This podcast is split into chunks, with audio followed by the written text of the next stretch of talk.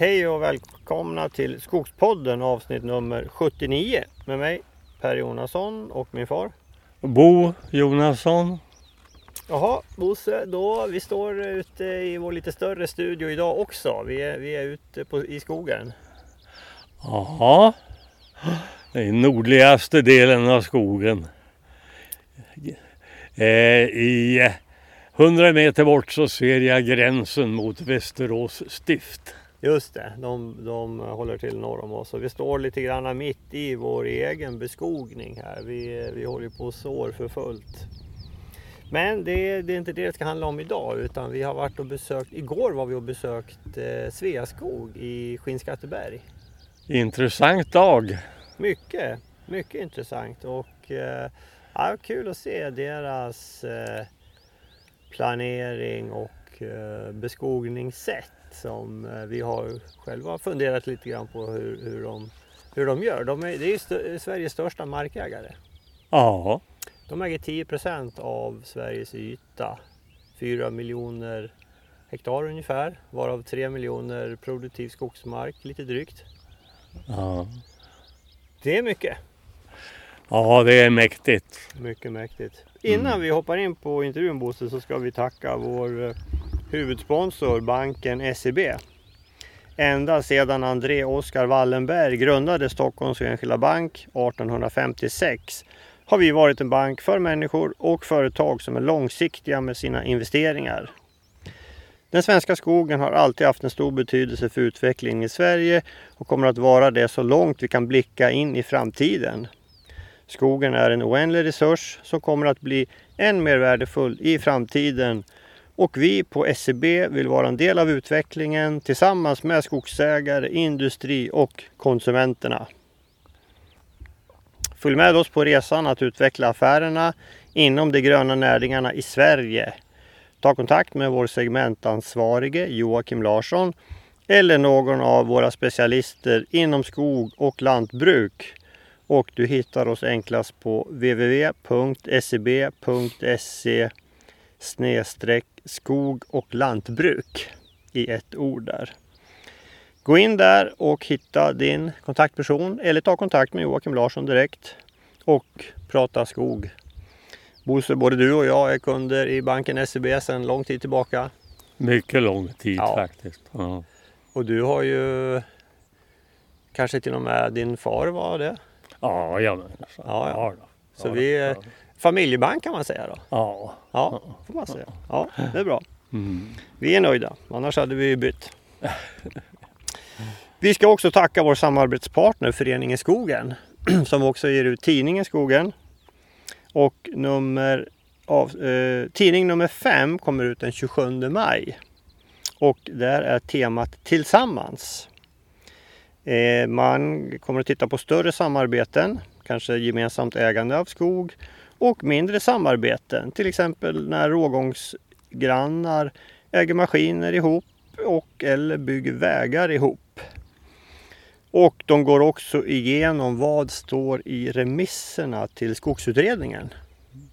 Det där kan vara intressant att se. Mm. Det är ju en otroligt stor skogsutredning och det är många remissvar och eh, ja, det där är en djungel så kan vi få lite guidning där så är det bra naturligtvis. Och det här numret tillsammans Bosse, vet du vem som är med där? Ove Lindberg. Ja, vår eh, skogsvän Ove Lindberg är med och det blir spännande att läsa om. Mm. Ser fram emot. Mm. Ja, eh, såröret brukar vi göra reklam för också. Nu är det slutsålt för i år. Det vill säga, jag, vi har tillverkat en, en ganska stor batch och den har vi sålt slut på nu. Och, eh, så det betyder att eh, ja, nu, nu tar vi inte in några nya ordrar förrän 1 januari 2022. Alltså till nästa såddsäsong då. Mm. Men då kommer de finnas att köpa igen då. Men eh, eh, håll, håll ett utkik på Skogspoddens hemsida så håller jag er uppdaterade om, om status där då. Men, men för i år är det slutsålt och så tar vi hem nytt material i höst och börjar sälja till våren igen. Det är ju för oss är det tredje året som vi beskogar med såröret och ja, det går väldigt bra tycker jag. Ja, jag tycker att såröret är en, en liten succé. Eh, sådden underlättas alldeles kolossalt. Ja. Smidigt och lätt att ta med och väger inte så mycket. Och... Man får en viss räckvidd. Man behöver inte ta det där sista jobbiga steget. Nej. Utan man sträcker fram såddröret istället. Mm. Och vi, eh, vi tror att vi ser ett ökat intresse av sådd generellt i Sverige. Jo men det är så. Mm. Ja. Ja men det är positivt och det var ju som sagt vi besökte ju Sveaskog här igår och de sådde rätt mycket faktiskt. ja. Mm. Dock mest maskinell sådd. Det var nog enbart maskinell sådd vad jag Ja. förstår. Mm. Men det behöver inte vara något fel. Alltså man sätter på de här aggregaten bak på en, en markberedare då som eh, antagligen går med en harv då som kör och harvar och så sprutar man ut frön bakom då. Mm. Nackdelen är att du kontrollerar inte var fröna kommer så en del går ju till spillo. De, de, och de låg ju lite högre, de låg ju på 350 gram per hektar. Ja. Så det blir ju, ja, frökostnaden blir något högre men eh, nej, säkert ett bra alternativ. Mm. Ska vi lyssna på intervjun med, av, av Stefan och Viktor? Låt oss göra det. De kommer här. Stefan eh, Tåterud och Viktor Holmberg, välkommen till Skogspodden. Tackar. Tack så mycket. Eh, nu står vi i nära Kolarbyn utanför Skinnskatteberg och det här är ju Sveaskogs mark och ni, ni, eh, ni kommer ju från Sveaskog. Mm. Och eh, vi kan väl börja med att ni presenterar er själva och att ni berättar lite grann om er, er bakgrund. Mm. Stefan, vill du börja? Yes, jag heter Stefan Totrud och jobbar som planeringsledare med personalansvar på Erro Bergslagen. Har jobbat väldigt länge i firman, sedan 1981. Började som huggare. Sen eh, från eh, ja, 90 fram till 98 körde jag maskin. Och däremellan höll jag på med inventeringar och nyckelbiotoper och landskapsplaneringar därefter. Sen har jag jobbat jättemycket med planeringsfrågor. Och eh, under lång tid också på från 2000 början till 2013, 14 så har jag varit miljö och naturspecialist. Så jag var med på mycket den här ekoparksresan. Mm ja, men som sagt sen 2018, 2018 och fram till nu så jobbar jag mycket med planeringsfrågor. Och det är i distrikt Bergslagen? Bergslagen ja, det är Mm. ett stort område. Det är ju från Fagersta norr ner till Skövde i söder. Är, du, I, är, I söder, sa du? Skövde, Skövde. Oj, det är jättestort. ja det är det. Vad står det? RO? RO, resultatområde. Ja, Mm. okej. Och det är ungefär 350 000 hektar. Ja, det är stort. Ja, det är det. Men eh, vi har ju alla som folk ut, alltså, ute i geografin som är områdesansvariga som har koll på sina områden. Mm. Mm. Och, och eh, ja, ja, men vi, vi, vi, blir, jag har mera frågor. Vi tar dem sen. Jajamän. Viktor? Jajamensan. Mhm. Ja, ehm, jag gick eh, Skogsmästarskolan i Skinsberg. Sen började jag jobba i Värmland som virkesköpare. Var där ett par år. Eh, och eh, flyttade hem sen då. Började på Sveaskog årsskiftet 1920 så jag vill jobba ett och ett halvt år ungefär här. Eh, skoglig assistent är väl min titel och jag jobbar eh, i princip uteslutande med, med skogsvårdsfrågor Mm. på Erro norra Bergslagen. Och vi är tre stycken som har skogsvård. En som sitter här uppe i Skinsberg, som jag då. Sen har vi en i Karlskoga där chefen sitter. Och sen eh, har vi en som sitter nere i Askersund. Mm. Så vi är rätt så spri- spridna liksom så på Just det. arealen. Mm. Jajamän. Ja, just det. Ja, okej. Vad- Men det är ett stort område. Stefan, sitter du i Skinsberg också? Jajamän, jag sitter i Skinnskatteberg. Men du jobbar över hela området, är det så? Eh, ja, det gör jag ju. Eh, vi har ju mycket kontakter via, alltså digitalt nu då. Mm. Både med pandemin och det här så har Ja. vi fått verkligen ta till det väldigt mycket då. Mm. Men annars så är vi ute och, och ja, framförallt just nu och försöka vara ute i fält och stötta givetvis. Ja. Sen eh, på vintern så är det mycket att jobba inför säsong ja. med taktiska planer och så Ja. vidare. Sveaskog är ju alltså Sveriges största skogsägare. Ja. Ni, har, alltså, ni äger alltså ungefär 10% av Sveriges yta har jag läst. Det. det är alltså 4 miljoner hektar ungefär. Mm. Varav 3 miljoner produktivt ungefär. 3,2-3,3 kanske någonstans. Ja, det är väldigt stort.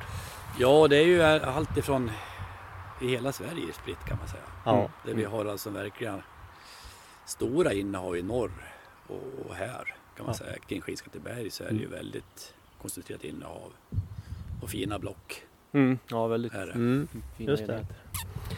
Okej, och Stefan, du har ju, du har ju en, grävt en liten grop här i marken och eh, kan inte du berätta lite grann om var, var, varför har du gjort det och vad, är- vad är syftet? Ja, syftet egentligen, alltså markens egenskaper är ju jätteviktigt att titta vad är det för typ av, av markslag. Mm. Vi delar ju upp det i två markslag. Det är ju eh, fast mark eller torrmark.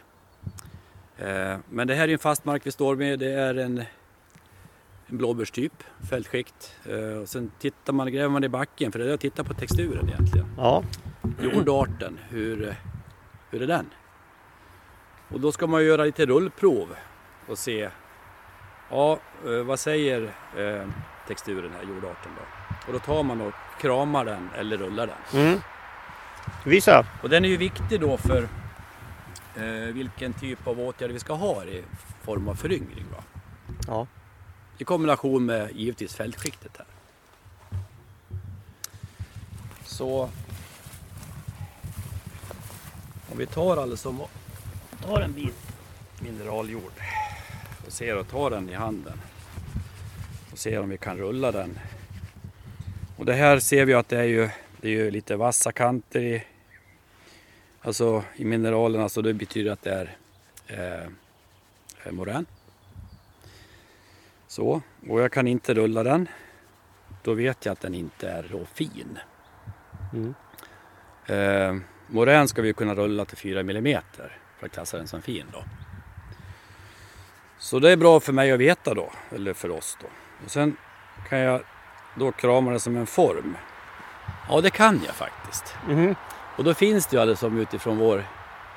Vi har lite matriser att titta på och lathundar. Va? Så då är det här en medelgrov jord. Mm. Då har jag det alldeles som klart för mig. Och utifrån de här delarna, eh, fältskiktet, blåbärstyp dominerar, medelgrov jord. Då kan vi säga, ja men vad ska vi ha här för skog Mm. i nästa, för, alltså i nästa eh, generation här. Ja. Så då tittar vi på beslutsunderlagen vi har. Så det här, det här gör du eh, inför varje avverkning? Ja, och det första jag gör egentligen det är ju alldeles som att gå runt eh, ytan som jag har fått utpekat. Det här ska vi planera. Och då lägger jag in alla hänsyn först givetvis. Och sen Ja. tittar jag ju då i terräng. Har jag någon åsformation och platåer? Ja men då kanske det är torrmark, vi har en frisk mark här. Mm. Låga partier, det kan ju vara fuktig mark och så vidare. Mm. Så då delar man in det i ståndorter. Och utifrån det så blir det ju olika föryngringsmetoder. Just det. Men jag tänker på hur, hur, hur många hektar per år eh, slutavverkar ni? Ja du, På, på, för jag menar, det är, det är rätt många. vi planerar på Bergslagen ungefär 4800 hektar årligen då. Ja. Så det är mycket inventerande. Ja, det är det. Det är det absolut. Va? Men, men eh, alltså det är superviktigt att planeringen är, Mm. Är viktigt. Och sen det här med textur också är viktigt för att kunna bedöma markens alltså bärighet. Vi ska ju alltså som klassa den i bärighet så att vi kommer hit vid rätt årstid. Ah. Just det. Så det är flera aspekter. Vad, sku, vad skulle du säga då om den skog vi står i nu då? Eh, som exempel, vad, vad, vad, vad tänker du här om, om eh, ponera att vi skulle sluta verka det här. Vad skulle du tänka på för trädslagsval och för eh, eh, metod? Ja, eh, det här eh, tänker vi att det är medelgrov jord. Då är eh, sådd att föredra. Vi sår jättemycket då. Eh, och jag skulle vilja ha en blandskog här. Mm. Tall och gran som blandsådd. Mm. Eh, markberedningsmetod är alltså eh, kontinuerlig. Alltså harv då. Ja. Det gör man ju samband med, tillsammans med sådden och det gör man ju verkligen tidigt. Man gör det innan midsommar va? Ja, precis. Vi är i full gång nu och Ja. försöker väl att klara oss fram till midsommar. Mm. Okej, Absolut. då kör ni harv och så har ni ett aggregat där ni sprutar ut en blandning av, av uh, tallgran. Yes, Hur mycket? Andelarna tall, hälften bra. hälften. 50-50. Är det. Så att eh, det gäller att vara tidigt på eh, så inte alltså gräs och sånt kommer upp. Va? För det är konkurrens Mm, givetvis. just det. Eh, Hur, hur, mycket, hur mycket sår ni generellt? I år så eh, har vi på det här området, om man säger Lindesberg eh, nordöst upp till Fagersta ungefär, så tror jag vi har ungefär 600 hektar som vi ska så. Ja. Och jämfört med hur mycket ni planterar, alltså andelen? Eh, ja, det är väl mera plantering det är det. Men, men det är mycket så. Det, det är ju mycket sådana här marker i de här krokarna. Ja. Och mycket rena tallmarker också. Man kommer Riddarhyttan och, och det där området. Så Ja. där är det ju väldigt mycket sådd. Ja. Sen kommer vi söderut så blir det ju mera granplantering och, och sådär då. Det, Men här skulle du säga det är 50-50 planteringssådd? Eller? just här så är det Ja. nog det. Ja. Det skulle jag nästan. Har, har, eh, har sådden ökat senaste åren? Eh, ja, det har de väl gjort. Jag är ju inte så gammal på, på firman så, men eh, jag vet ju att tidigare så ställde man mycket mer fröträn och jobba med naturlig föryngring. Ja. Men har övergått mera till sådd. Mm. Kan ju flika in det att vi körde ju någonting som heter drättingmetoden. Alltså vi hade den här vid landskogarna, då körde vi som Viktor sa eh, fröträd och så glesplanterade vi gran. Just det. Eh, så gjorde vi. Vad var erfarenheterna av den metoden? Ja, jag har jättesvårt. Jag har inte följt upp så mycket själv. Utan det är ju skogsvård mycket som följer upp. Men det är väl så, beroende på då. Men eh, jag tycker ändå, de är, alltså generellt kan jag säga så här att det är otroligt lättföryngrade marker här i Bergslagen. Mm. Eh, så, så markberedningen är ju superviktigt att få upp mineraljorden. Va? Så kommer mycket självsådd in också Mm. efter kanter. Ja. Så det, det tycker jag är, det har vi, ja det är lätt föryngrat här. Mm. Tar vi den metoden som du pratade om där med glesplanterad gran. Alltså, vi springer ju på sådana ibland när de har kommit upp i, nu är väl de i röjningsskeden och, och sådär då, men de ser ju oftast bra ut, det gör de, men det, det märks, det är ju väldigt avhängigt på när man får i kull fröträden att det blir gjort liksom Rätt tid. i rätt tid. Ja. Det, det är mycket där det hänger på. ja. Att man inte väntar för länge. Precis, Mm. absolut. Så man får de här brunnarna i bestånden och så kanske det är mest granarna som klarar Mm. sig. Men de är lite roliga med för det blir tydligt också vilka träslag som, som funkar på vilken mark. Eh, Man ser ju Mm. ofta vad som har dragit iväg. Och, Just det. Mm. Och jag tror alltså det här valet av, av att vi får rätt trädslag på rätt plats, det är ju oerhört viktigt. Det alltså blir det här med våra klimatförändringar, att stå emot svampangrepp och, och eh, insektsangrepp. Va? Med Vitala, livskraftiga bestånd. Och det tycker jag är ett signum för ståndortsanpassning. Faktiskt. Ja. Ni jobbar mycket med ståndortsanpassning har jag förstått. Ja, alltså det är ju där alltså vi, det är ju superviktigt va? Mm. att vi alltså har rätt trädslag på rätt plats. Eh, före en slutavverkning skulle ni ju underröja det här. Ja. Och det är egentligen av biologiska skäl här mycket. Framförallt att vi ska ha tall med. Då ska vi hyggesrensa. För att de eh, tallen vill ju inte ha konkurrens av skuggande gran. Och sen om vi ska ta ut grot så ska vi också ta bort underväxt. Ja. Men för föryngringen så är det för att vi har tall här. Mm.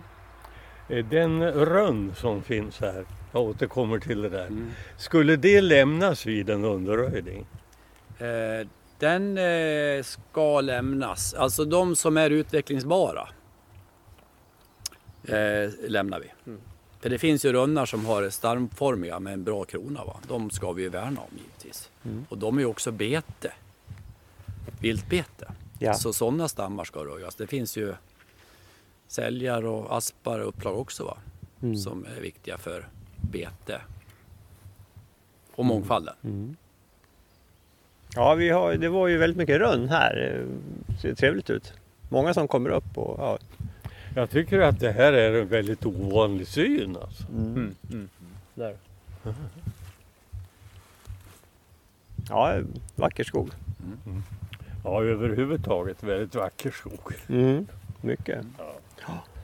Ja, intressant. Eh, Bosse, har vi några mer frågor innan vi går vidare till nästa steg? För det här är liksom då steg ett, att innan en avverkning se till och, och ta reda på hur, går vi, hur tar vi nästa steg. Liksom. Yes. Mm. Vad säger du Bosse? Ja, Vi brukar inte gräva några gropar, det kanske vi ska börja med. ja. Nej men de andra tankarna känner vi ju väl igen. Mm. Eh, eh, och, och vi är ju alltså under högsta marina gränsen vilket gör ju det här eh, till en ganska naturlig såddlokal. Föryngring med sådd. Eh, tror ni att det här med maskinell sådd kommer att utvecklas och öka? Jag tycker att den li- ligger ju väldigt väl till för ett storskaligt skogs, skogsbruk. Ja. Som i, I vårat fall så tror jag nog att såddnivåerna ligger liksom där de är. Vi kommer säkert inte så, så mycket mera eller så mycket mindre just här men det känns ju som att sådden har väl potential att öka på den privata sidan ganska mycket. Eh, så att jo men visst finns det väl säkert eh, liksom en marknad att växa på. Men det, det är ändå, jag, jag blir, eh, det, är- det, är kul, det är positivt att ni står så mycket. Jag blir lite förvånad eh, när du säger 50-50. För Tittar vi totalt i Sverige så ligger vi på alltså, ungefär 3% som vi sår. Eh, Men, men om man säger det här lite grann, återigen. Det är ju inte lämpligt att så. Om rullproverna visar att jag kan, att det är fin. Finkortsrikt. Det är ju som att kasta pengarna i sjön. mm, va. mm, För då har vi uppfrysningsrisk. Va? ja. Så då ska vi ju plantera. Mm. Mm. Så det är också en, en otroligt viktig aspekt för att gräva i backen. Mm. Det, det planteras ju i Sverige nu eh, över 80 procent av årsytan. Mm. Planteras ju. Mm. Och, och jag, jag kan inte jag, jag, jag kan inte upphöra att förvåna mig över den utomordentligt höga siffran. Mm. Och, och, eh, naturlig föryngring det, det, det finns inte i er...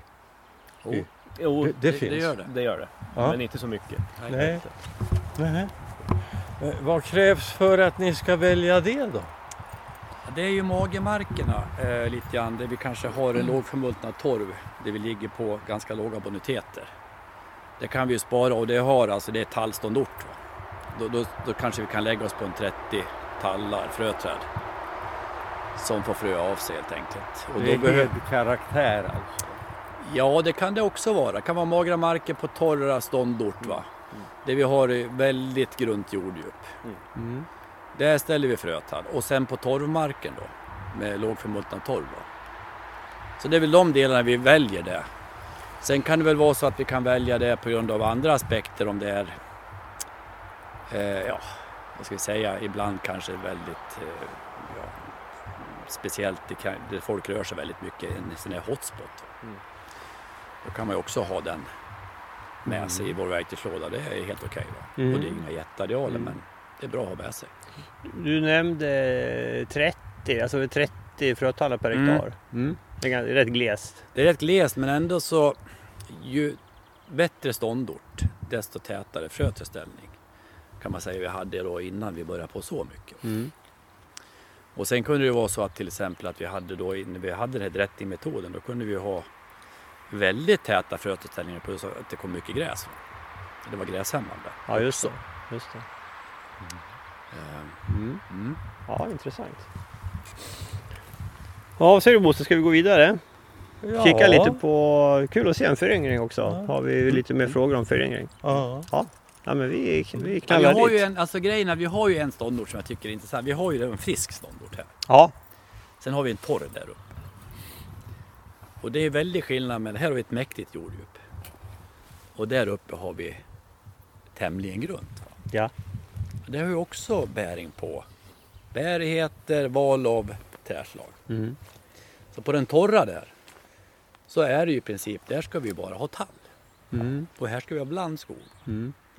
Så det är en bild av alltså hur det kan variera. Och om du har, har du någon tumregel, vid vilka ståndortsindex väljer du att gå enbart på tall?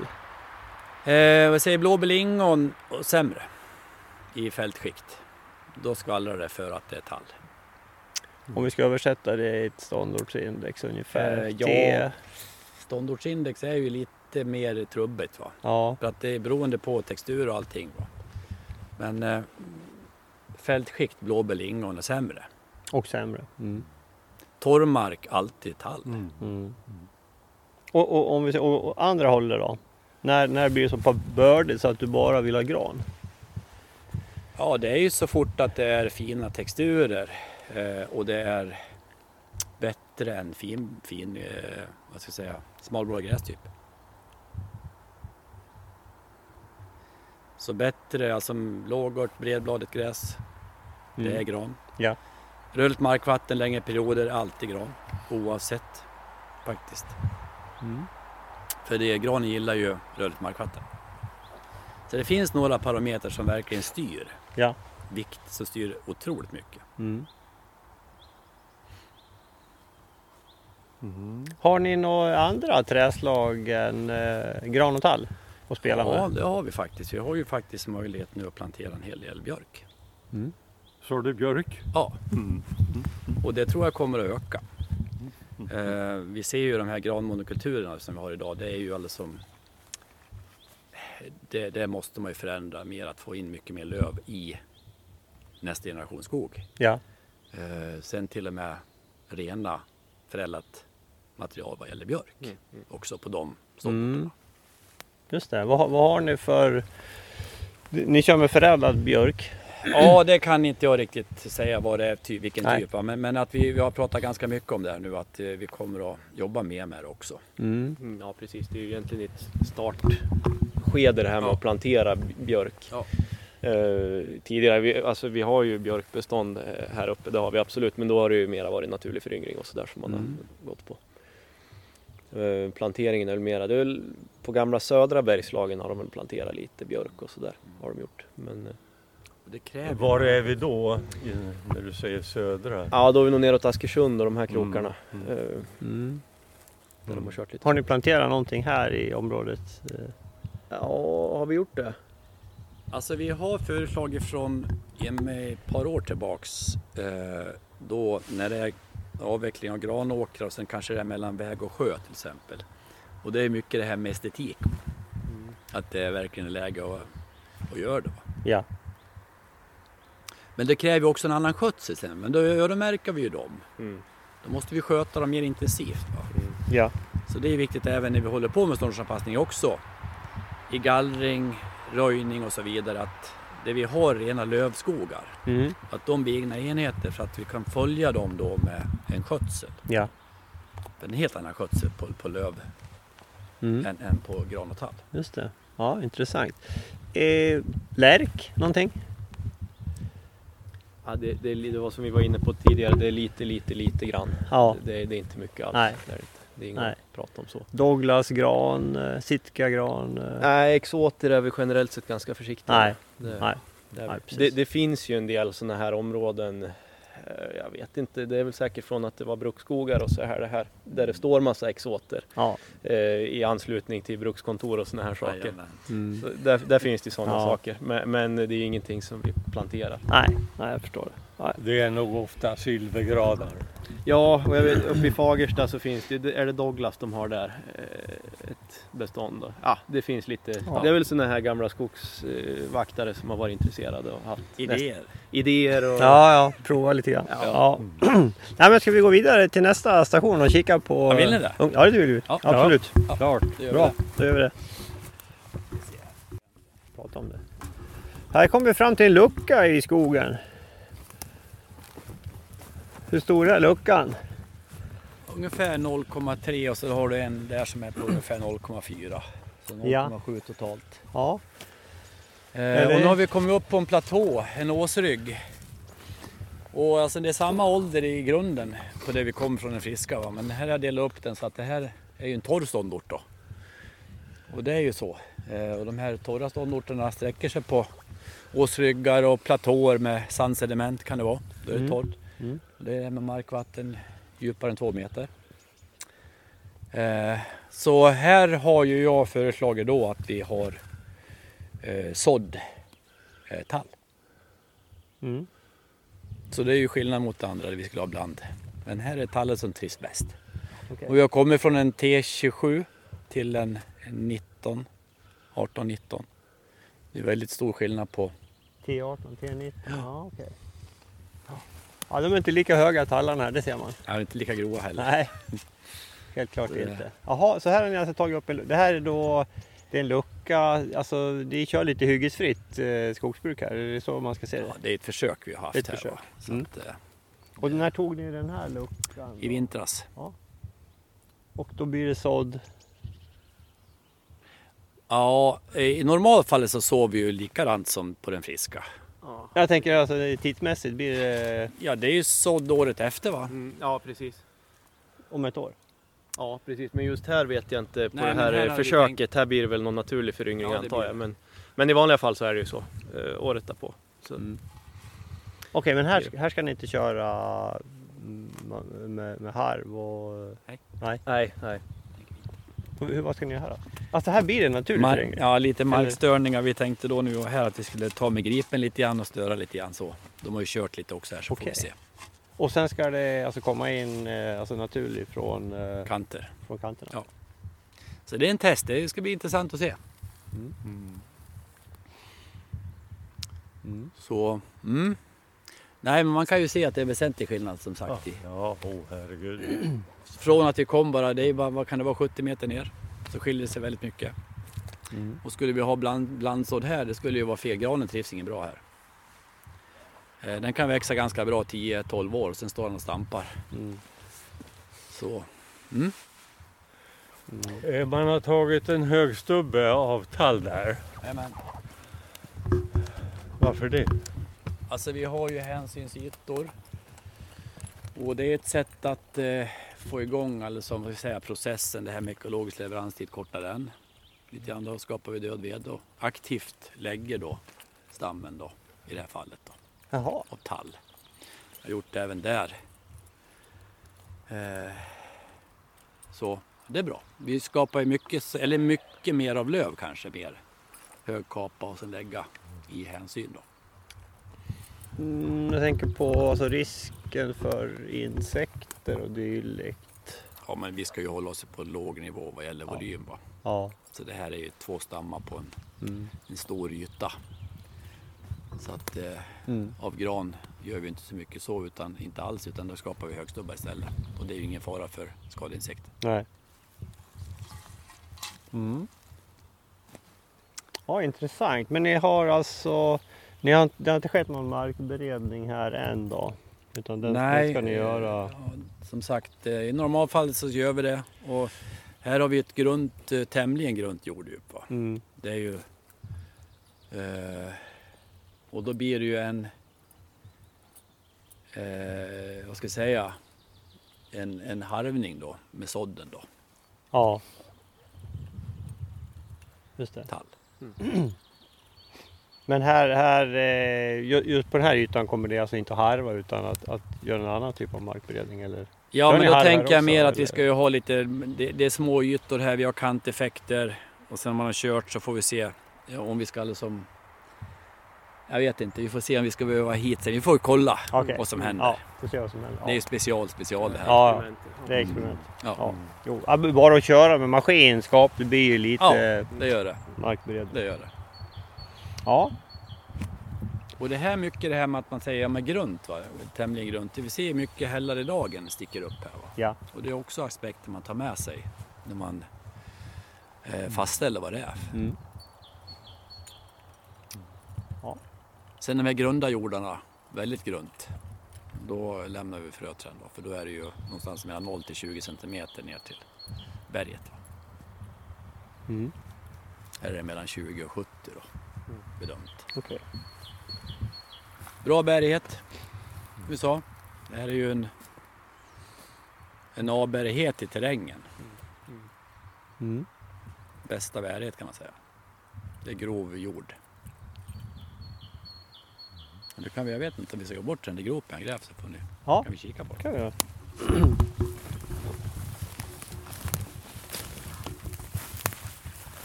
Den är, där är den. Sitter som är rö, rödvit där. Ja. Ja, här har du grävt ett eh, hål också i marken. Jajamän. eh, och här var det svårt eh, att gräva överhuvudtaget. Det var mycket, ni ser ju vad mycket, mycket mer sten och grus det är. Ja, Eh, där du står. ja Då precis. tittar man ju på storleksordningen där på mineraljorden. Det är ju mycket sten som sagt. Mm.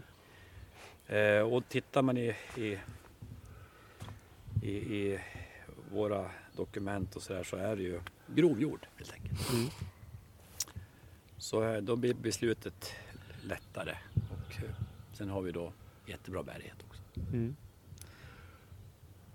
Ni ser ju alldeles som att det är ju inte djupt ner här va. Nej. Mm.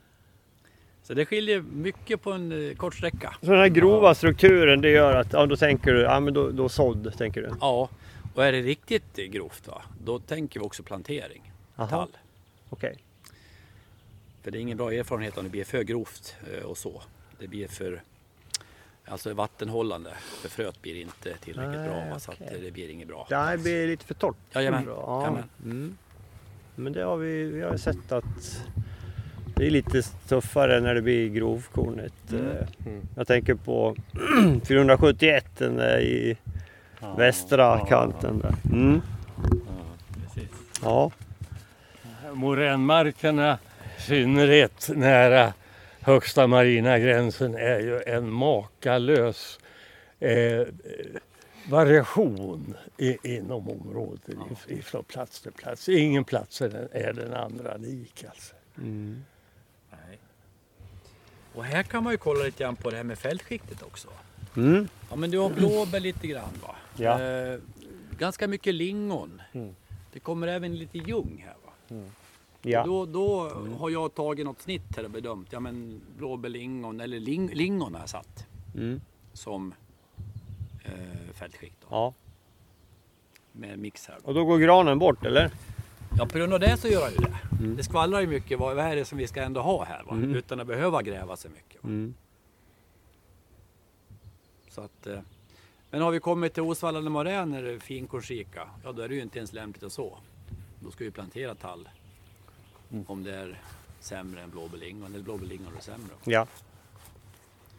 Det, är ju, det går ju inte. Hur, hur eh, nu plantering och såld av tall, hur eh, vad siktar ni på? Vilket, vilket antal? Jag, jag, jag- tänker på eh, betningen. Mm. Kan bli ett problem om man, om man planterar tall. Mm. Vad planterar ni? 2 500 per hektar? Vi brukar faktiskt ligga på 2000 ungefär. 2000? Det gör vi. Det gör vi. Eh, och det är väl eh, mycket är väl en schablon och, och att de som planterar planterar över så stora arealer och de, de kör 2000 Ja. i princip på allting.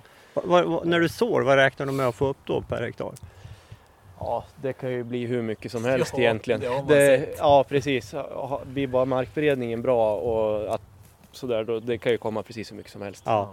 Det finns ju knappt några gränser. Ser du skillnad i hur de här olika liksom klarar en betning? Om det kommer liksom in älg och... Sådden har ju en fördel i och med att du ofta har så pass mycket mera stam att välja på. Helt klart så att betningen Mm. blir ju lättare att korrigera bort i, i en slutröjning eller så. Så Ja. är det ju. Mm. Absolut. Ja, Eller en naturlig föryngring för den delen. just det. Precis, och det är sådden, det kan ju vara då alltså om det är mycket så kan det vara föremål för att vi ska göra en plantskogsröjning också då. En... En plantskogsröjning Mm. eh, för, för Mm. att eh, glesa ut de täta partierna. Hur tidigt går du in då? Alltså, Eh, ja, eh, dryga metern, en och en halv kanske. Mm. Någonstans. Ja precis, det där är rätt... Det är ganska olika. Idealet är väl där någonstans. Mm. Dryga metern kanske. Mm. Eller något sånt där. Ja. Men eh, ofta när man gör plantröjning så har vi ju liksom en anledning att göra den och det kan ju vara att trädbeståndet är väldigt ojämnt till exempel. Du har löv som blir väldigt förväxande eller sådär så att höjden Mm. kanske egentligen är högre än så om man tittar på en medelhöjd. Men Ja. att huvudträdslaget försöker vi väl ha i den höjden ungefär. Ja, just. Mm. Bra, vad intressant. Nej, men det är kul att se.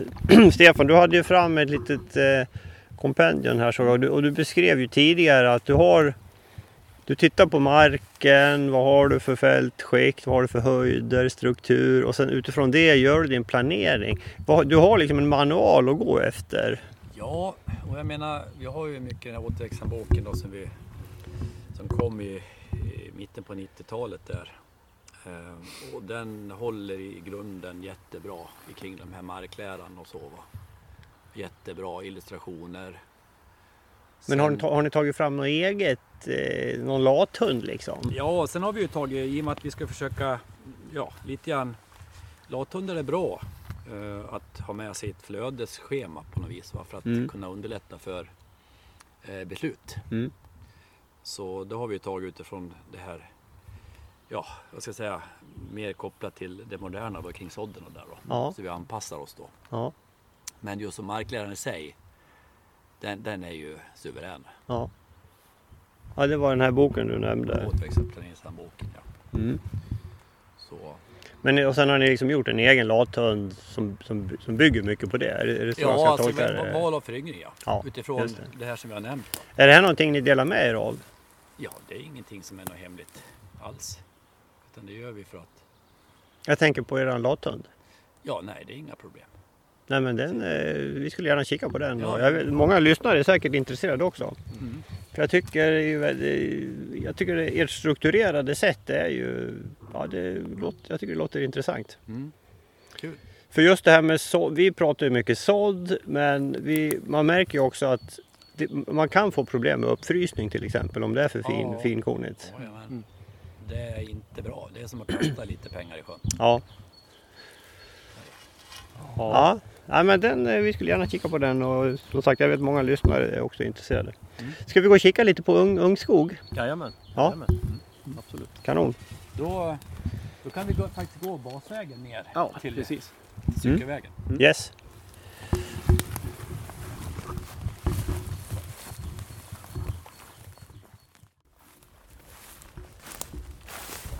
Ja, eh, Viktor, då har vi kommit fram till en eh, sådd. Jajamän. Berätta, vad, vad har ni gjort här? Ja, vi har sått metall helt enkelt. Traktordraget, så det är ju markberett med förmodligen harv här. Vi har ju även en högläggare som sår. Mm, Eh, som gör någon form av långfläck kan man säga. just det. Och då så är det, så har ni ett eh, sånt aggregat på markberedaren som sprutar ut halvfrö? Jajamän. Mm. Mm. Precis. Och hur mycket frö per hektar rä- räknar du med? Eh, 0,35 kilo Ja, kör vi. okej. Mm. Det är, ja, 350 gram per hektar. Mm. Precis.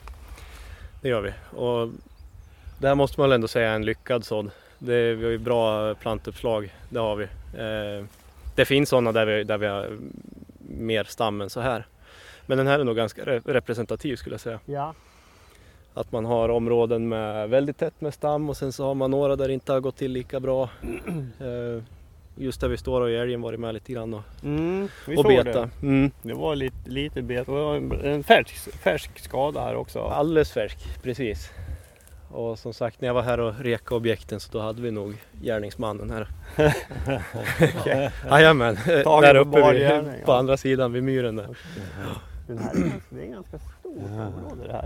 Ja det är väldigt stort, eh, det är det. Hur många hektar är det? Eh, det. Det vet jag inte i Nej. huvudet. Eh, Stefan har väl i paddan om vi vill, eller i datorn om vi vill titta men Mm. kan det handla om Jag 15 har inte med hektar? mig den. Eh, Men det är nog 15 hektar kanske. Ja. Mm. Det skulle jag tro, för det fortsätter på andra sidan Mm. åsen där också. Tar ni ofta så stora hyggen här eller? Nej, det är ett väldigt stort hygge. Eh, jag skulle tro medelhygget, vad kan det ligga på? Tre? ja, under Hektar. faktiskt. Två, Ja. två och en halv hektar är snitt eh, arealen idag. Mm. ungefär. Mm. Så att, ja, det är ovanligt med så här Mm. stora faktiskt. Mm. Och sen har ni lämnat en del träd ifrån förra skogsgenerationen. Mm. Här står det en grangrupp. Mm. Eh, och sen är det ja, det är spridda tallar. Mm, mm. Precis. Och eh, uppenbart så, så är det ju inga höga ståndortsindex här inte. Nej, nej det är det inte.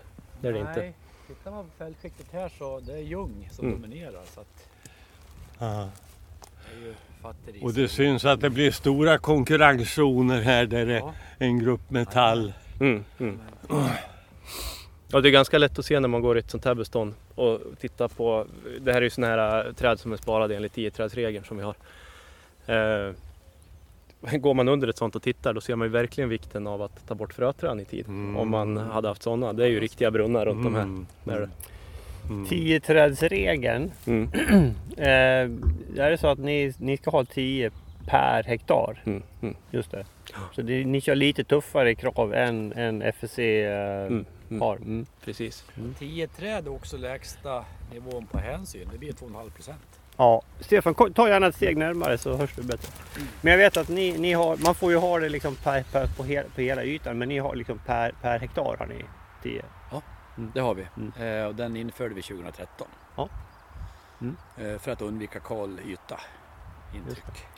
En det- stor vårtbjörk ser jag borti där. Mm, mm. Ganska, ja, några ättlingar i alla fall här bort kring. Mm. Och 10-regeln om man säger, då spar vi eh, lövträd först. Eh, tall sen. Eh, och, och sist gran. Och det ska vara minimalt. Mm. Den, den, den håller inte. Nej. Mm. Och de är inte helt dumma faktiskt de där tio träna. När man är på våran sida staket i alla fall på eh, skogsvården.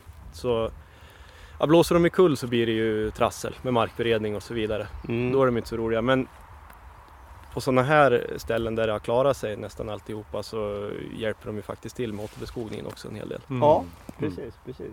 Berätta mer om sådden då. Alltså, när, när, när i tiden gör ni det här? Ni, på våren? Mm, ja precis. Vi började väl för tre veckor sedan i år Mm. ungefär. Mm. Eh, slutet på april någon gång där. Mm. Och sen försöker vi att vara klara till midsommar. Ungefär. Mm. Mm. Eh, Gör ni en höst, höstsådd någon gång? Eh, nej, det är framförallt på våren. Mm. Det kan hända på, på hösten också. Men ja, det som styr mycket tyvärr är ju brandrisk och sådana här saker. Liksom. Ja. Det, det är ju sånt som kan göra att vi måste så längre in på säsongen eller kanske på hösten eller Mm. sådana där saker. Mm. Eh, Men i år verkar vara ett bra år. Hittills har det varit det i alla fall. Ja. Mm. Mycket regn och mer ska Ja, det komma. fantastiskt. Så, Ja, ja, precis. Ja. Följer ni upp en sån här sådd och ser hur många planter blev det per hektar? ja, vi gör ju återväxtkontroller på allt Mm. egentligen. Mm. Vi, vi har några områden faktiskt där vi eh, gör stickprov. Där det är lätt föryngrat. Då. Men generellt sett så är det nästan allting. Mm. Eh, och då åker man ut och räknar plant och lite trädslagsfördelning och sådana här saker. Då. Mm. Fyller i. Du har inte eh, uppgifter vad det, vad det har blivit här? Nej, men vad skulle jag tro? Vi har väl säkert totalt 8000 kanske eller något sånt där. Skulle jag gissa på bara Mm. sån här. Mm. Med ja, kanske 1000 björk och resten tall i Mm. princip. Mm. Mm. Just det. Nej, det ser ju väldigt fint ut. Mm. Sen, är de ju, de är ju svårfångade beståndsdatamässigt så här tidigt. För Ja. att det är oftast väldigt eh, stora variationer på objekten. Ja. Eh, det är väl framförallt liksom efter första röjningen. För på de här gör vi ju oftast plantröjning. Okej. Eh, den, det här är ju faktiskt ett gränsfall för här har vi inte så farligt med förväxande löv och såna här saker. Nej. Så, eh, den här är nog en sån här som man inte vill lägga in någon planering på nu för att röja men kanske ha med i den här taktiska planen som vi har. Så att det är någon som besöker det i alla fall nästa år och om två år och, och sådär. Kik, kikar till det? Ja, hur det har utvecklat sig. Men annars då, vad, vad, vad blir nästa steg? Vad blir nästa åtgärd här? Här är nog, eh, eller ja det blir en röjning eh, Ja. Som är nästa åtgärd. Och, och när sker den i tiden ungefär? Ja, det, det beror ju på då som sagt. Eh, Skulle det vara aktuellt med en plantröjning då är det relativt snart som den skulle till. Mm. Eh, är det en slutröjning då kan vi ju säkert vänta 5, 6, 7 år. Skulle jag tro. Mm. Men eh, vi har ju ett system där vi liksom lägger in efter att någon har varit och tittat och gjort en återväxtkontroll. Då, då har vi liksom sett att det är en godkänd föryngring. Vi har klarat lagkraven och det ser bra ut helt enkelt. Sen gör vi en eh, kontroll till eh, tre, fyra år efter återväxtkontrollen. Mm. När vi gör en föryngringsinventering. Mm. Eh, och där fångar man ju upp eh, lite hur det har gått och behovet av plantröjning och så vidare. Så där fyller man ju då i, om det ser ut som att det är på gång med en plantröjning, då fyller ju den som har varit ute i att här kan det vara aktuellt med en plantröjning Mm. och sen ett ungefärligt årtal. Ja. Då läggs den in i våra system i, i en taktisk plan då. Eh, och sen har vi röjningsplanerare som är ute och springer på den här taktiska planen då och gör en bedömning. Mm. Eh, så, och sen efter plantröjning då, om vi har haft det, så får vi in en slutrapport med stamantal och höjder och träslagsfördelning och alltihopa. Ja. Och då gör även de som har röjt en uh, ungefärlig uppskattning på om hur många år vill vi göra nästa åtgärd. Mm. Eh, så då blir ju nästa åtgärd där in i taktisk plan eh, och nästa årtal ja. så att man kan följa upp det. Och då, men du sa kanske, vad sa du, fem, fem sju år om, om man skulle här låta det stå ungefär. Då är, då är vi uppe en bit i höjd i varje fall. Ja exakt, det är ju den här älgsäkra höjden som vi, vi tittar väldigt sällan på år. Nej. Och utan- ålder. Men, men vill ni upp på 4-5 meter då innan Ja, du gör? det, det vill vi helst ja. göra. ja, men absolut. Ja. Och vad, vad går ni ner på för antal då ungefär? Eh, 2000 ungefär 2000? gör vi. Ja. Ja. Eh, det, ja. det har en tendens att bli lite mera Ja. än 2000. Ja. Men, men det brukar stå 2000 i arbetsordrarna. ja. Och hur är det med, eh, vad har ni, har ni egna som röjer eller plock, har ni, hyr ni in folk? Ja, vi har ju entreprenörer Ja. som röjer åt oss. Så ni har inga egna anställda? Nej, det har Nej. vi inte. Det har vi inte. Ja. Vad är det- för eh, vad är det för entreprenörer? Är det lo lokala här? eh? Ja, eh, de som vi har som röjer de kommer väl ifrån ja, Mellansverige allihopa. Vi har ju en i Fagersta som röjer ganska mycket. Och, Mm. Eh, de bor ju utspritt i, de bor i Lindesberg och de bor i Fagersta och, och hit och dit. Och sen har vi, ja, vad har vi fler då? Ja, Siljan så har vi sån här lite större med som kanske har ett säte i Dalarna eller eh, något sånt där. Och Ja. sen så har de då boenden här kring som personal. Hur, hur ser ni med alltså, tillgången till eh, arbetskraft i skogen generellt? Eh, ja, tittar man på som i fjol, då var det ju väldiga problem med coronan. Mm. Eh, då var det ju riktigt på kniven med plantering och sånt där. För där, det är mycket utländsk arbetskraft? Är det Det är så? det, absolut. Mm. Det är det. Även röjning? Ja, det är det. Mm. Det, är det. Det, det finns undantag men de flesta det är utländsk arbetskraft. Det är det. Hur kommer det sig? Ja du, eh, pratar man med de som har firmerna så handlar det väl mycket om eh, att det är den personalen man får tag på. Det är de som är intresserade av det. Du, då den här röjningen. Mm. Eh, huvudstammarna här, det, Mm. det är ju ganska Mm. självklara val. Ja. Men sen växer det den här nivån också Ja. som är höga som djungeln där. Mm, absolut. Eh, r- rensar de bort det där? Nej, eh, ja där har vi väl kanske några gränsfall. Men de här som är som djungeln, det, det rensar de inte bort. I, eh, åtminstone inte i en plantröjning. Eh, då vill vi mest få en friställning och, och sånt som redan är efter det, det är ju inte så mycket. Och, Vi, vi ser ju det där som en foderresurs. ja visst, det, det kan man ju det är se undertryckta. Ja. Ja. Så att, eh, nej, så, så länge sådana där står och liksom inte konkurrerar med en tilltänkt huvudstam. Så då finns det ju ingen poäng att, att röja bort dem. Framförallt inte i en plantröjning. Sen det här då med träslagen. Mm. Här är det en förhoppningsfull sälj på, på gång. Jajamän. Men han har haft det lite tufft ser det ut som. Ja, då, ja visst. Ja, visst. Ja. Nej men kan ni få de här då, de här pojkarna ifrån öst Mm. att, att eh, förstå det där att den där ska vara kvar? Ja, det är ju någonting som vi jobbar med. Vi har ju varje år så kör vi upp startträffar och sånt där och sen så följer vi upp. Vi har ju stickprov på alla röjningar de gör och sånt där. Så det är allt ifrån sådana här saker med att spara rase egentligen.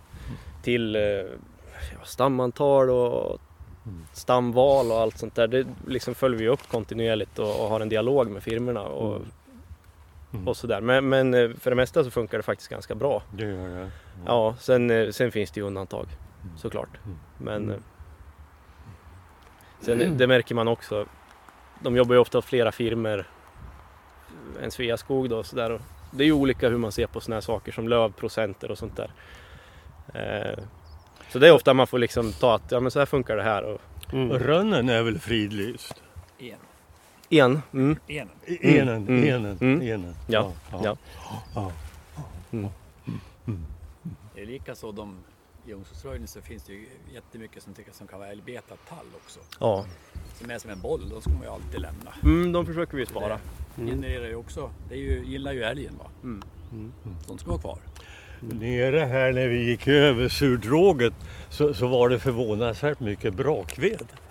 Mm, mm. Det, det är ett, verkligen ett attraktivt älgfoder som det, ja, jag, jag hör sällan talas om det som, som viltfoder. Men, men det finns ju ganska rikligt ute i skogsmarken. Mm, Mm. mm. Mm. Absolut. Mm. Ska vi gå upp lite och titta på, Mm. på höjden? Ja. Vi har en Ja. röjning som närmar sig slutröjning där på Ja, andra sidan. Mhm. Ja, intressant. Mm. Går Men jag menar utifrån ståndortsfaktorerna här och vi ser på fältskiktet så är ju, vi var ju tidigare på beslut, alltså i stående skog och vi skulle sluta verka. Mm. Så är det ju rätt förslag här. Mm. Det ser vi ju. Här ska det ju vara tall. Som det Vad, vad, tar du, vad tar du det på Stefan? Ja det är ju alltså Ljung. Ljung dominerar här. Va? Ja, Det är ju en, det är magert. det är magrare, absolut. Så det är tallen som genererar bra kvalitet och trivs bäst här. Mm. Mhm. Så det är kul att se föryngringen också. Mm. Ja, Ja, visst. verkligen. Ja, mäktig. Ja, men vi kikar, går upp och kikar på den eh, Mm. slutröjningen. Då. Det är lite blött här. Mm. Diskussionspunkt vi har haft nu på slutet mycket. Ja, då har vi kommit in i lite äldre bestånd här då. Vad, Berätta, vad är det här? Vad, vad står vi i för något? Ja, det är ju sått det här också. Ett tallbestånd. Eh, nästan rent tallbestånd. Det finns ju lite björk och det finns lite gran men det är i princip tall. Eh, och det är det vi kommer sikta på spara efter slutröjningen också. På det här Ja. stället. Och här, vi är inte riktigt framme vid slutröjningen här va? Eller är vi det? Nej, nej det är vi inte. Eh, vad kan vi ha för medelhöjd här? Tre meter kanske. Eh, och vi vill ju gärna upp över fyra innan vi slutröjer. Mm. Eh, sen är det ju sådder och naturliga föryngringar. De har ju ofta den här karaktären att de är lite eh, ska man säga, det, det diffar i höjd och i stamantal och alltihopa ganska mycket på ytorna. Så att många gånger kan man komma till en sån här om 70 procent är ju färdigt för slutröjning men 30 är inte det. Så det blir lite en avvägning som man får göra från fall till fall. Ja. Eh, vågar man göra en slutröjning. Här kanske man till exempel hade, när vi gick in i beståndet så såg vi väldigt mycket topprutet, betat. Mm. Eh, så här kanske man hade verkligen tagit älgen i backning då och väntat lite extra. Mm. Eh, hade man inte haft det då, då kanske man hade kunnat eh, vara lite mera djärv. Men fyra meter vill vi ju ändå ha. Fyra meter. Ja. Jag tror att här någonstans 5000 stam har vi här nu. Ja, ja och jag tror knappt det räcker faktiskt. Det inte räcker men det är, det är väldigt mycket, Ja. mycket val vi har. ja. Ja, det, det har man helt klart. Och den här är ju inte plantröjd. Nej, Eh, och det är sått med samma metod, alltså Mm. en maskinell eh, Jajamän, precis. vår, vårsådd och Mm. Eh, harvat antagligen. Förmodligen, ja. Eh, så att... Nej, och i det här fallet så var det säkert eh, ganska smart att hoppa över plantröjning för man har ju fortfarande inga problem att hitta huvudstammar i det här. Nej. Eh, man har ju individer som har dragit iväg och liksom utkristalliserat sig. Eh, samtidigt som vi har haft, eh, där vi står nu, en hel del älgbete. Då. Mm. Eh, så att hade man röjt isär det här och kanske råkat göra det lite för hårt eller så, då hade man ju kanske haft problem nu. Ja. Ja, för tidigt. Ja. Ja, Ja. precis. Så, så det kanske, ni kanske väntar två år, två, tre år till här innan ni går in och gör en Ja. slutlig röjning då? Ja, Och då är det ner på 2000? Ja, det är det. det, är det. Helt klart. Och så Mm. försöker vi ha kvar Eh, 10 löv i alla fall i det då. Mm. Eh, Men här är ju faktiskt en sån typ av ståndort där det ibland kan vara bekymmer att hitta det. Här finns det ju lite löv. Vi har ju den där mamman som står uppe på hygget alldeles bredvid oss. Mm. Men man ser ju rent generellt, oavsett vilket bestånd vi går i här så har man ju inte mycket löv så det såg ju inte in så mycket heller. Nej. Eh, Och mycket just här är ju betat också så här är det lite svårigheter att hitta de här 10 procenten skulle jag säga. Mm. Just det. Och det är ju som sagt det är förädlat frö som ni sår med. Mm. Mm. Det är det. Ja. Jajamän. Ja, ni, Ja, men ni, det, all, rent allmänt så ser ju det här bra ut. Det här, det här ska ju kunna bli ett bra, bra slutresultat. Ja. Jo, vi har förutsättningarna för det. Ja. mm. Blir slutröjningen bra då, och i rätt tid och alltihopa, då, då blir det nog ett fint bestånd av det här. Mm. 100%. Vad, vad händer sen då? Ni röjer ner till 2000 stammar. Vad, vad blir Mm. nästa åtgärd efter det? Eh, det blir ju egentligen gallring. Eh, förut fanns det ju något som hette 8 meters inventering där man var ute och tog lite provytor och sådär. Men den gör sig väl rent register automatiskt bara nu för tiden. Så den läggs fortfarande in som en åtgärd men den utförs automatiskt. Ja, Eh, så det blir gallring. det blir gallring sen. Ja, Mm. just det. Hur många gånger gallrar ni generellt i tall? Ja, En det, och en halv gång ungefär generellt Mm. kan man säga. En och en halv gång? Ja. Mm. Eh, alltså bördiga granskogar gallrar vi kanske vi en gång. ja, det blir ju... Ja, En gallring i gran. intressant. Det låter sympatiskt. Mm. Mm. Rätt. Absolut. Ja. Sen kan man ju lite kul också se inväxande, de här gamla träden som står i tio, alltså som är tio träden växer in i en ny generation skog. Mm, mm. Och de här kommer ju aldrig som att vara väldigt, tror jag, estetiskt, alltså man vill gå till de här eh, gamla träden. Mm. Och de här har ju stått rätt länge, jag vet inte åldern på ungskogen här, men den här har ju stått, de har stått en 10-12 Jag år. skulle gissa på något sånt, 10 år. Så det ska mycket till om de här blåser kull. Ja, de har nog, de har nog rotat sig ordentligt nu. Jajamän. Ja. Det är ju Ja, faktiskt vi ett, ett ekologiskt värde också. Ja, Mm. ja, Ja, det en, stämmer en hade ramlat. Stämmer. Ja, Bosse vad säger du? Ja. Nej men jag tycker alltihopa har varit intressant och delvis lite överraskande. Mm. Mm. Ja, men vi... Jag Ja, tyckte om det här. Det är inte så stor skillnad på 340 hektar och 4 miljoner. nej, nej. Det är bara en faktor emellan. Så. Ja. Nej, men det, jag tycker också det. Det är ju... Jag är nog positivt överraskad. Imponerad av, av den här äh, ja, metodiken den, den som, ni, som ni har då för att avgöra. Den verkar väldigt strukturerad er metodik. Och det är ju, jag menar det är ju det är, det är, må, det är mycket mark ni ska hinna med att göra den på så ja det är imponerande. Ja, nej, det, det är viktigt. Planeringen är viktig före. Att vara noggrann med den. Ja. Eh, En, en fråga. Eh, I det här eh, resultatområdet då.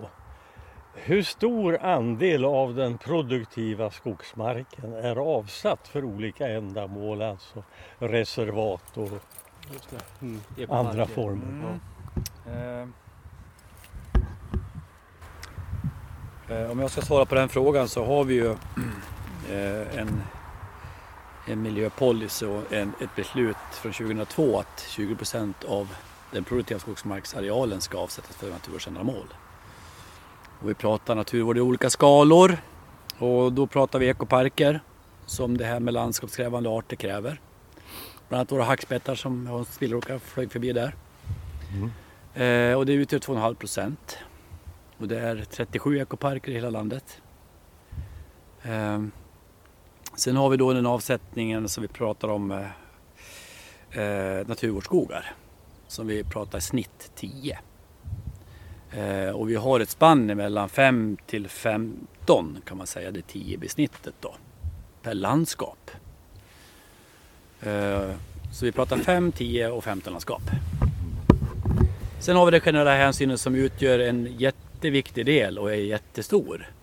Den är faktiskt på 250 000 hektar totalt. Mm. Och det är ungefär snitt 7,5 procent och det utgör 20. Så det är modellen vi har. Mm. Och sen ska vi utveckla den framgent också. För att eh, ja, snabba på den ekologiska leveransen. Göra saker i våra hänsynsytor, naturskogar och så vidare. Vi har ju ganska mycket NS, Mm. naturlig skötsel. Som Just vi har det. att jobba med. Eh, ni lägger ju mycket vikt vid naturvård, det, det är ju uppenbart. Ändå kan jag slås av att ni tar ändå upp ett hygge som i det här fallet där vi står, eller där vi passerade, som var då kanske runt 15 hektar, vilket ja, det är jäkligt stort. Hur, hur kommer det sig? För det, det är lite grann det här folk kan reagera mot, de här jättehyggena. Ja, det är ju så. Eh, men vi tittar ju på enheter och så vidare. Ifrån grunden så har vi en ålder och sen har vi en enhet. Och sen eh, har vi olika hänsyn, if- allt ifrån 2,5 procent upp till 49. Så det varierar väldigt mycket. Mm. Eh, Med hänsynsytor, surdråg, sumpskogar, sk- skogsgrupper, hällmarksskog och så vidare. Men det är ju en del i den här procenten. Så det är mycket det här med enheter, historiska aspekter. Alltså vad gjorde man för 50, 70, 100 år sedan? Ja, i det här fallet säkert 100 år. Ja, Mm. Då följer ni det liksom. Men ni liksom överväger inte att ja, men okej, nu- vi gör det här liksom i, i två steg eller tre steg för att liksom kanske minska storleken. Det är ett alternativ man kan Mm, fundera på. mm. Ja, precis. Vi får väl se. Nu är det ju så att storleken har ju verkligen minskat. Ja, Från oj. stora enheter som det var för en 20 år sedan till ner till 2,5 hektar. Mm. Och det är klart att det kan ju finnas flera enheter som sitter ihop. Va? Mm. Det blir större. Men så det är historiskt också. Ja. Mm. Och sen har du stor yta så blir det ofta att du har olika delar som är med olika åtgärder i också. Ja. Mm. Ja. Nej, men det är imponerande ert arbete, det, det är helt klart. Vad säger du Bosse? Ska, har vi några avslutande frågor då? Eller ska vi börja runda av här? Vi har ju fått se mycket intressant idag tycker jag. Ja, absolut. Och, och, jag- jag, vi förstår ju det här alltså att arbetskraft, kvalificerad och bra arbetskraft, det, det är det brist på. Det är inte så många unga pojkar som vill ägna sig åt framtida skogsarbete. Nej, så kan det vara. Det tycker jag är lite tråkigt på ett sätt. Va? Men det är ju Mm. lite grann att eh, kanske vara mer ute i skolor och prata skog. Så Ja. jag kan locka en hel del. Mm. Och det tror jag vi har en del att göra. Mm. Ja, det är väl inget att sticka under stol med heller att Nej. skogsbranschen i stort har väl lite är kritiserad och, och liksom i, ses väl inte alltid som, som hjältar och jätteduktiga om man läser tidningarna så där. Så det, det är säkert en aspekt också som spelar in. Mm. Känner ni som Sveaskog då, alltså att det är staten som, som äger, ja det är vi som äger skogen då. Känner ni att ni har ett extra stort ansvar att liksom föra ut en positiv bild och informera, bjuda, bjuda in till ekoparker och visa? Eller har ni ett sådant uppdrag kanske är snarare frågan? Nej, men jag tror alltså att vi behöver mer ut och visa vad vi gör. Va? Ja. Så att eh, inte man baserar det som våra öppna, alltså vi tar nya hyggen utan visar eh, jättemycket andra saker som vi gör i det dolda. Mm. Kan jag tycka. Ja. Så där, där eh, krävs det en del av oss tror jag. Mm. Mer. Ja visst är det så. Ja. Det är ju de gångerna när det inte har gått bra, det har blivit tråkigheter. Så det, det är då det hamnar i tidningen och blir liksom uppmärksammat och så vidare. Så det är Så är det ju. Så helt är klart att man måste Det- visa de goda exemplen också. Det är ju aldrig någon reportage i DN om, om, eh, om, om, om dig Stefan när du står och gräver och, och rullar din jord liksom för att se hur ska, vi, hur ska vi beskoga nästa generation för att det ska bli så bra som möjligt. Det gör man ju inga reportager i tidningen om. Nej. Nej, precis. Va? Men vi kämpar på. Ja, Eh, alltså, och fottrampar ute och vi har ett uppdrag som vi jobbar efter. Mm. Och jag tror att eh, det har gått åt, eh, alltså man tänker, det är korta perspektiv vi pratar om. 80-tal, då sparar man en och annan tall. Nu sparar vi stora ytor. Det får man inte glömma. Eh, utan mindret är kort. Mm. Eh, och förut då fanns det bara tall och gran. Det andra var ogräs. Men så är det inte längre. Så jag tycker det var en otroligt spännande utveckling och den bara fortgår ju hela tiden. Så att, ja, jag, jag tycker det är suveränt. Podden för ut ditt budskap nu. Jajamän, och det är, det är inte helt fel en gång. Ändå. Nej, ja, men det tycker jag du sammanfattade bra Stefan. Och jättebra. Vi, vi är imponerade av vad vi har fått se och jag tror våra lyssnare också kommer att bli det. Tack för att vi fick komma och besöka er. Tack själva! Ja, tack Kul att vara med! Jätteroligt. Tack ska ni ha. Ja, där hörde vi Stefan och Viktor och ja, men jag måste säga att jag var positivt överraskad över deras gedigna arbete. Väldigt strukturerat. Ja, de börjar ju alltså förberedelserna, eh, tankeverksamheten eh, när det gäller att anlägga ny skog. Den påbörjas i den gamla skogen. Ja, Mm. och det är ju helt rätt. Mm, visst. Det är ju då man ser eh, hur, det ser ut och vi- vilka träd har blivit högst. Och Ja. Mm. Just att hitta den här ståndortsanpassningen som, som Stefan tryckte på att den var väldigt viktig för dem. Mm. Mm. Ja, nej, en intressant dag faktiskt. Ja. Eh, vad var det mer? Ja, de pratade alltså, de sådde kanske en 40 procent av arealen eh, just, just i det området då kring Skinnskatteberg och i närheten där. Och de vill ha blandskog. Strävar efter blandskog. Mm. Stor naturhänsyn. De har ju alltså de här reglerna med 10 träd per hektar. Det gäller ju alla som är certifierade men de gör det så att de har Alltså för varje liksom enskild hektar på ett hygge har de 10 träd. Mm. Annars får du ju samla det eh, ihop det i en klump då på ett, på ett större hygge. Men de har sagt varje enskild hektar. Och så följer de ju upp alla eh, slutavverkningar. Att de har liksom gjort tillräckligt bra hänsyn. De tar ju in Skogsstyrelsen och gör en bedömning. Det här pratade ju Peter Bergman om när vi intervjuade honom uppe i Malå, kommer du ihåg det? Jajamän. Mm. Ja, Mm. Mm. Nej men eh, man, skulle önska att eh, svenska folket förstod det här, vi- vilket stort arbete som pågår inom skogsbruket och i det här fallet Sveaskog. Och vilket, vilket engagemang som finns. Alltså. Ja, Det här är värd eh, uppmärksamhet och respekt. Alltså. absolut. Det här är ju ingenting du får läsa om i, i tidningarna och jag menar ta DNs artikelserie här med den här negativa vinklingen. Ja. eh, Mm. Jag menar varför, varför kan inte de åka och göra ett sånt här reportage och besöka och se de här engagerade brukarna i, i Stefan och Viktor som vi Mm. träffade. Mm. Mm. Mm. Kanske kan skogsbruket göra mera också genom att bjuda in journalister och visa det här. Ja, absolut. Mm. Och vi kommer i kontakt med många skogsägare också som är väldigt engagerade. Mm. Och, Mm. Ja. Ja, finns en del att göra. Andra reflektioner från gårdagen, Bosse?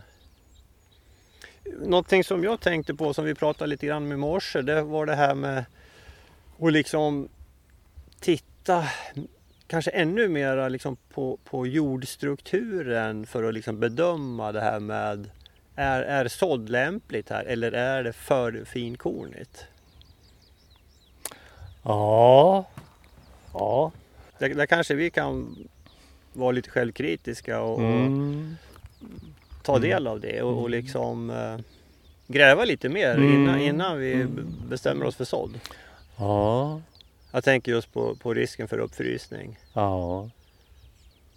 Det är ju så att just risken för uppfrysning det är ju den, den främsta orsaken till att, att sådder kan misslyckas. Mm.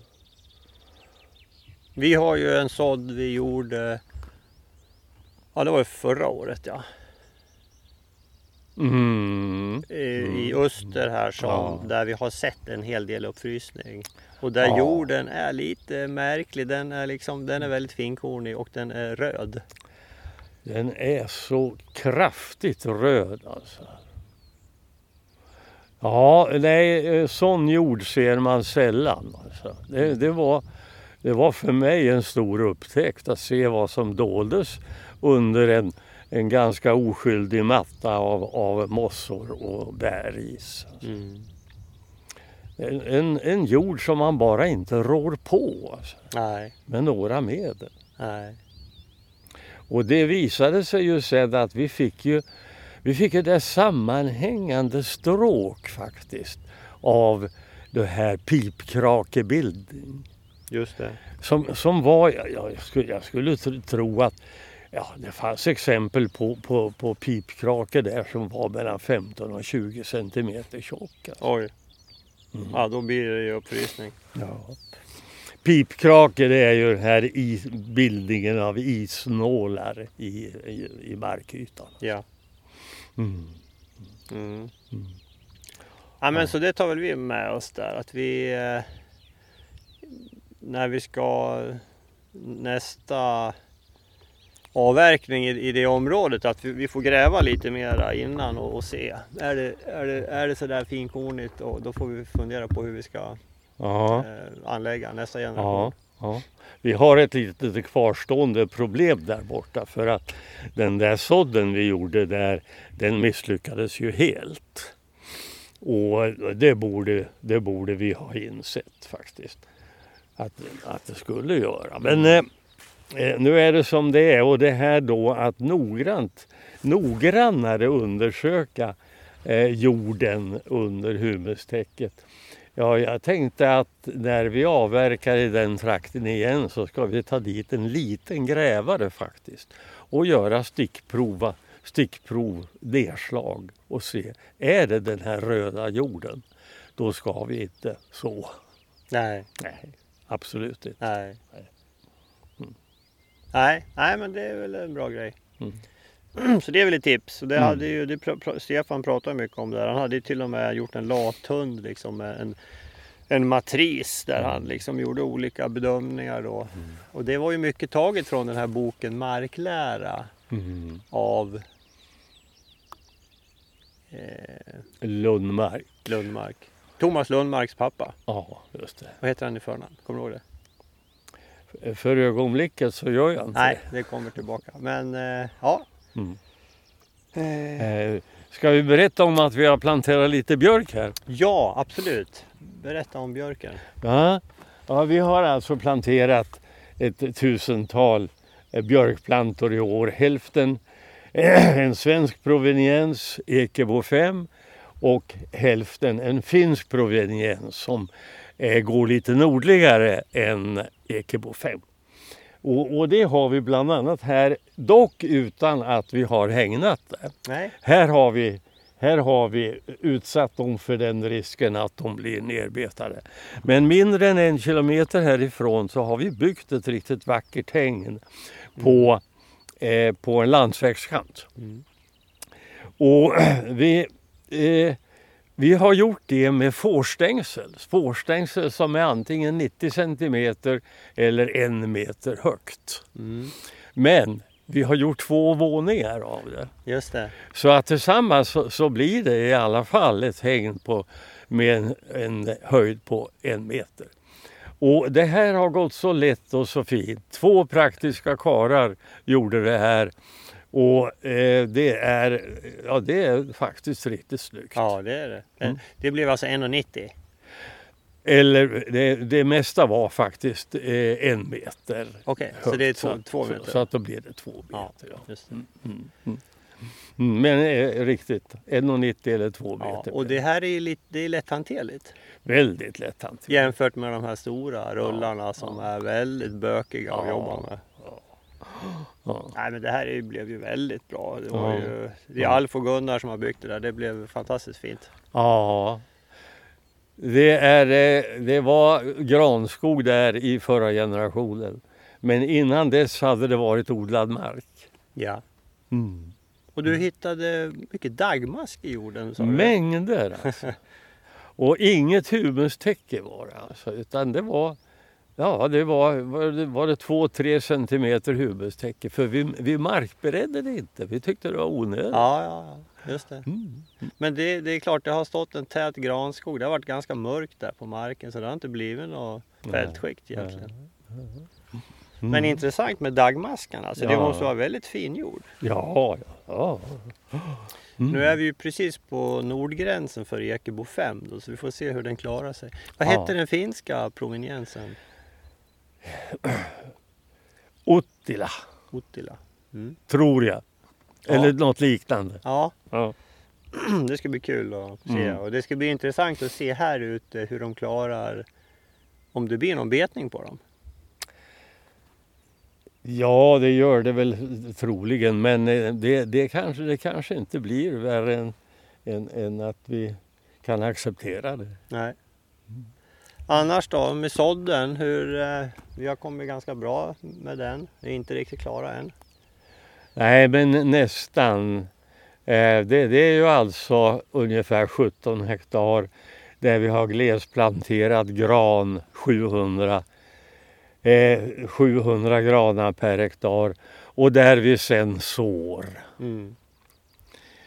i avsikt att skapa en blandskog.